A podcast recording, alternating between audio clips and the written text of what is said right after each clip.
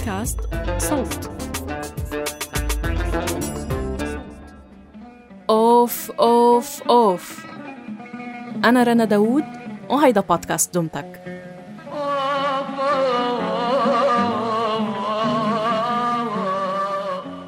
الزجل. شكل من أشكال الشعر الشعبي اللبناني المنشد أو المغنى بالمناسبات والأعياد بالجلسات العامة أو الخاصة. مفتوحة كل المواضيع. من الوطنيات للغزل والمدح وحتى الندب وغيرها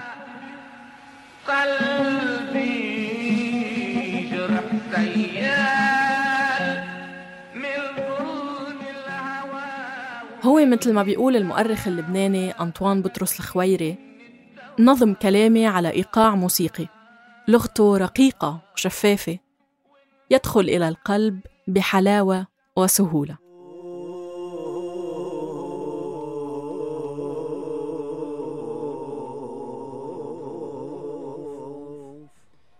من خمس من خمس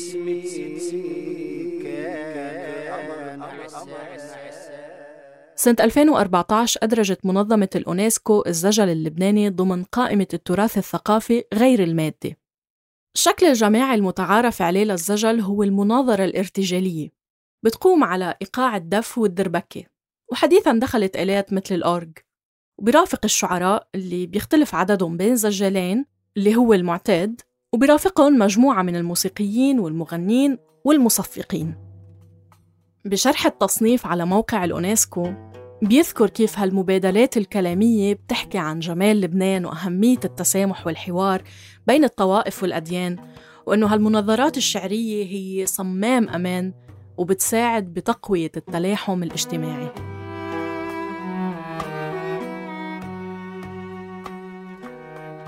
مرحبا فيكن ببودكاست دمتك. هالموسم منحكي عن موسيقى الحشود وسياقاتها اللي بتجمع الناس وبتخليهم يرددوا أغاني وهتافات وأناشيد بصوت واحد وبقلب واحد.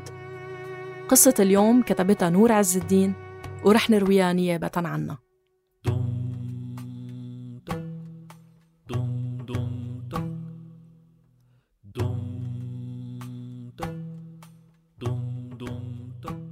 انسمع صوت الزجل اللبناني بخمسينيات القرن الماضي بعد ما بلش يكون مقوماته اللي بتميزه عن باقي أنواع الزجل بالمنطقة العربية.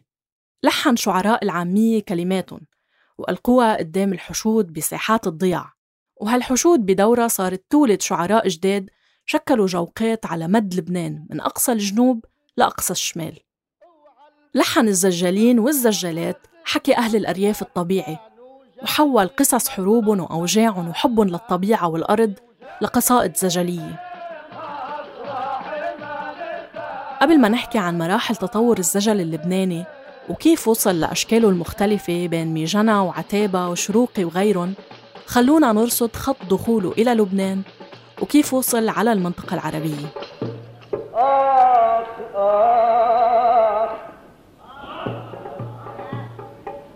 انفتح يا كون عشمالي ويميني تأب جوانحي وعاتب سنيني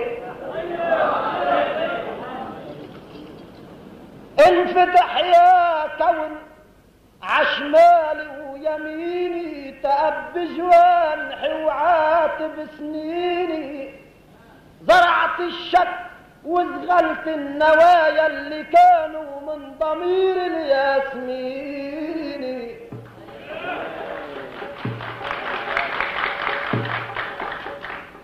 ويعرض العتم يا أفت بلايا على رصعيك دموع ومش أميني يا أصل العصر يا معلع خطايا طرابك حج وصخورك ضغيني تحمل كلمة زجل كتير معاني باللغة العربية منها الرمي أو الطعن أو إرسال الرسائل. وبنفس الوقت بتحمل معاني مختلفة مثل الطرب أو رفع الصوت بالغناء. بيحكي الكاتب والمؤرخ اللبناني أنطوان بطرس الخويري إنه الزجل وصل على لبنان عبر الموارنة وهي طائفة مسيحية. بيرجع هالتأصيل لرجال الإكليروس اللي بلشوا يكتبوا قصائد عامية فيها زخارف لفظية ويغنوها على أوزان سريانية. سنة 1289 كتب رجل الدين المسيحي سليمان الأشلوحي قصيدة من 60 بيت. بتوصف خراب طرابلس على إيدين المماليك. انحفظت بمكتبة الفاتيكان واعتبر الأشلوحي أول زجال لبناني. إجا من بعده المؤرخ والشاعر الزجلي المطران جبرائيل القلاعي. اللي عاش بمنطقة جبال أواخر القرن الرابع عشر وأوائل القرن الخامس عشر. ولعب دور كبير بوضع ركيزة الزجل اللبناني من خلال تضمينه موضوعات تاريخية وطنية واجتماعية ودينية. وصل أثره لتظهر أنواع جديدة من الزجل مثل القرادي والقصيد. تعتمد على أوزان سريانية مثل بدء البيت بساكن أو التقاء الساكنين. بالإضافة لأقتباسات من القصائد والأناشيد الدينية. بيرجح بعض المؤرخين أن الزجل استخرج من الموشح الأندلسي بسبب النقاط المشتركة مثل المطلع والأغصان والقفلة. وبالفعل بلش الزجل رحلته هربان من بلاد الأندلس بعد خروج المسلمين منها بأواخر القرن الخامس عشر وضياع كتير فنون وعناصر بتشكل هويتها الموسيقية. وتنقل بين الدول العربية واختلفت تسميته من بلد لبلد. بالمغرب اسمه الملحون. بفلسطين يعرف بالحدة أو الحداية. بالسعودية ودول الخليج يعرف بالنبطي وهو إلقاء شعر عامي بصحبة عزف الربابة. ساعدت اللهجات المحكية على تأمين أرضية من المفردات العامة لإثراء مكونات الزجل بدول المشرق وخاصة ببغداد. توافد علماء جبل عامل على العراق بمنتصف القرن التاسع عشر. ولأنه أغلبهم كانوا بين شعراء وأدباء اهتموا بنقل جزء من الزجل معهم إلى قراهم وهيك وصلت العتابة على لبنان وصارت وحدة من أهم أنواع الزجل. يا ليل الناس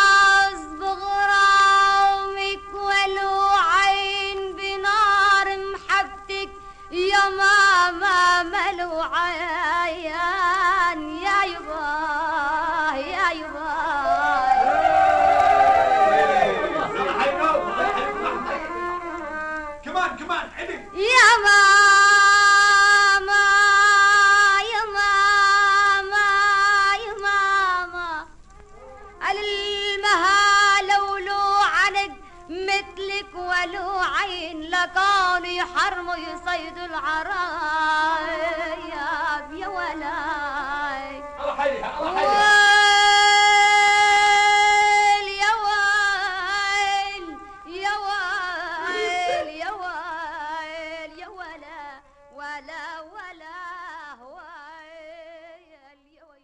مع بداية القرن العشرين انتعش صوت الزجل الجاي من ساحات الضياع. وظهر جيل جديد من الزجالين اللي عاشوا بالقرى وصاغوا لهجتها المحلية. تأثروا بجمال طبيعتها وراحة البال بعيداً عن ضجة المدن. بقي تأثر الزجل بالألحان السريانية والموشحات الأندلسية وبلش يتطور بالوقت اللي تشبعت فيه اللهجة اللبنانية بألفاظ قوية وتحررت من قيود السلطنة العثمانية. دخل الزجل اللبناني بمرحلة التأسيس الحديثة ساهم بتكوينها الشاعر أسعد فغالي جد المطربة صباح والمعروف بشحرور الوادي. كل عمري شماس الدير كل عمري شماس الدير ولما بخدم برض الكل. صوته الرخيم وسلاسة كلماته بنظم الشعر العامي ساعدوه على غناء ونظم أولى قصائد الزجل الحديث أسس أول جوقة زجلية بلبنان وصاروا أصحاب المقاهي والنوادي بيطلبوا منه يقيم حفلات ويقدم مئات القصائد. هون بلش عدد الشعراء يزيد وبينت معالم الزجل أكتر طورت بنيته وبلش ينشغل على وزنه ومضمونه. خاصة أنه بفترة الأربعينيات شهد لبنان نوع من السلام والازدهار. وانتشرت المدارس وأقبل الناس على تعلم القراءة والكتابة واهتموا بالأدب. طوروا معانيه وظبطوا أوزانه. وبلش ياخد منبر الزجل بلبنان شكله المتعارف عليه بالخمسينات وهو أربع شعراء ثلاثة منهم بيستعملوا الدف وواحد منهم بيستعمل الدربكة. وبيبدوا بحوار شعري على أنغام القرادي والمعنى والقصيد بيكون وراهن رديدة وقدامهم طاولة عليها أكل قروي. الله. ولا بغني غير المعقول وشهاداتي مش عالظن كيلو متر بعرض وطول كيلو متر بعرض وطول كيلو متر بعرض وطول وعالمنبر عشاق الفن من لحن وشعر المعسول. عم بطعمهم سلوى ومن وعن هالأكل بينجلوا.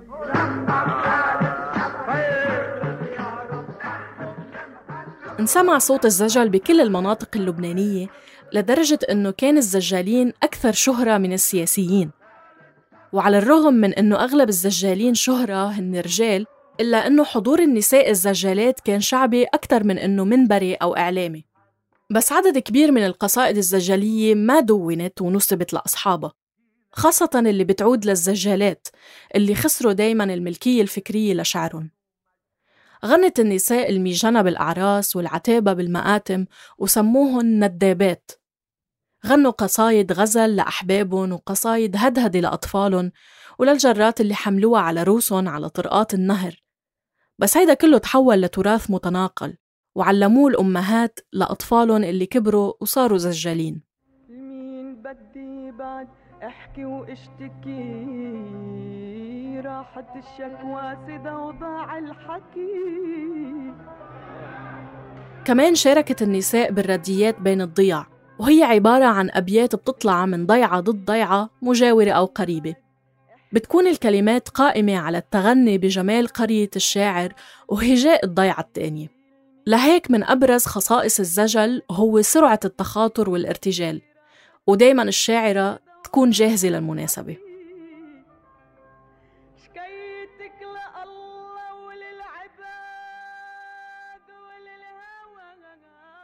شهدت الفترة الممتدة من الأربعينيات حتى بداية السبعينيات انتشار ملفت للفرق الزجلية. وبعد استقلال لبنان عن الدولة الفرنسية بسنة واحدة تأسست جوقة زغلول الدامور اللي كانت الأساس لعدد من الجوقات اللي تفرعت عنها الأبجدية إذا ما بعمل الواجب علي. منلحظ بهالفترة تطور أبيات زغلول المستقاة من الحياة اليومية. وصار الناس يعزموه على الحفلات والأعراس والمآتم. ترك التعليم وتفرغ للزجل وبلشت الفرقة تشارك بالمباريات المنبرية. وتخرج منها شعراء لمع اسمهم مثل زين شعيب وموسى صغيب وخليل روكوز. ابعزا خي رجعت عزي. فؤادي لأني بعتبر كل شخص منكن بعد ما غاب خي محل خي زادت الجوقات وارتبط اسمها بالطبيعة وأسامي الطيور مثل جوقة الأرز وجوقة نسر المزرعة. ترافق نمو الزجل مع سطوع نجم الإذاعة اللبنانية ومن بعدها دخول التلفزيونات بفترة الستينيات. خصصت الوسائل الإعلامية وقت ودعم لجوقات الزجل. كمان اهتم الزجالين بالصحافة الزجلية وأسس زغلول الدامور مع زين شعيب مجلة المسرح اللي اهتمت بأرشفة الزجل. ونقل تلفزيون لبنان اللي كان التلفزيون الرسمي الوحيد معارك الزجل المنبرية وانتقل الشعراء من ساحات الضياع وفاتوا على كل بيت. ولو كنت ما بحب الإعادي والمديح رح عيدها وبالترغلي اخفي الفحيح. ودفي انشلحت عليك تاكل ما تصيح اذبحك لو كنت مش خرج الدبيح. يا عيب حطت عن جناحك وستريح الريحة اللي عنها حكيت قولك مش صحيح. مش ريحة البخور هيدا مهب ريح ما بيتركك إلا ما تنزل بالضريح. وبالشوك لولا همتني من الدرب زيح بتشوف بالموضوع تصريحي صريح. عقابك طلع أكبر عقاب لصاحبه وشوكي طلع إكليل عجبين المسيح. عاش الزجل اللبناني فترة ذهبية. صارت الجوقات تعمل جولات بالعالم العربي من الأردن لسوريا والعراق وأيضا ذهبوا لزيارة المغتربين وتقديم فنهم مثل بأمريكا والبرازيل. بس ما دامت هالفترة الذهبية لا للبنان ولا للزجل. تأثرت كل الحركة الثقافية والفنية بالحرب الأهلية اللي بلشت تقوى وتطول بأواخر الثمانينيات وبلشوا الشعراء يلاقوا وقت إنه يأرجفوا حفلاتهم وبلشت تظهر المنتديات واللقاءات والصالونات الزجلية بينما قرر بعض الشعراء إنه ينغمسوا بالحرب الأهلية ويكتبوا قصائد عنا مثل قصيدة حرب الجبل للشاعر طليع حمدان.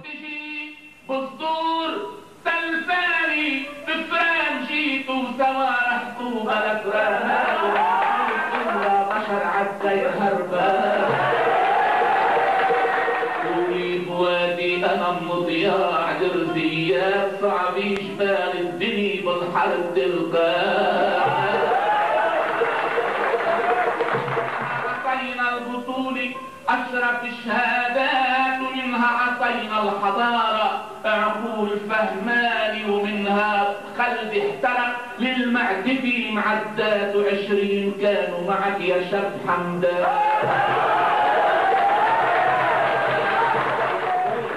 وصارت عنار الفنا تتسابق اللفات وتقول جيبوا الفرنسي. والامريكاني ومهما يعبوا السماء مدافع وطيارات سلمان سيدي بيخلي الأرض. مع بداية التسعينيات دخل الزجل مرحلة ركود واقتصر تداوله وتناقله على بيئات محددة. ترجع لأسباب تانية غير الحرب الأهلية وهي تبدل اهتمام جيل جديد عاصر دخول التلفزيون والكاسات. وبلشت الحشود تنقل على المدينة بالإضافة لاكتساح أغاني البوب الأسواق. ولو أنه بعض التلفزيونات اللبنانية بمرحلة حديثة حاولت أكثر من مرة إنها ترجع تنعش الزجل ببرامج مواهب وتصوير حفلات بين الجوقات والشعراء الكبار. الحر برأيه وحر بدمه يبر بجو وبر ولما تفر طيور الفر بحلو ومر يلاقي الشر. هاي الحلقة بحث وكتابة نور عز الدين تحرير تالا حلاوة وإخراج الصوت تيسير قباني. النشر والترويج مرام النبالي وبيان حبيب وبسنت سمهوت. كنت معكم بالتقديم والتحرير أنا رنا داوود. اتركوا لنا آرائكم بالتعليقات على SoundCloud وبالتقييمات على Apple Podcasts و Castbox أو تواصلوا معنا عبر صفحاتنا الخاصة على تويتر وإنستغرام دمتك بودكاست إذا حابين تسمعوا الحلقات الجاي اشتركوا ببودكاست دمتك على التطبيق اللي عم تسمعونا عبره. دمتك من إنتاج صوت. بسق الفل وغصن البان وفكري خل وما بيخل قد الكل بهالميدان.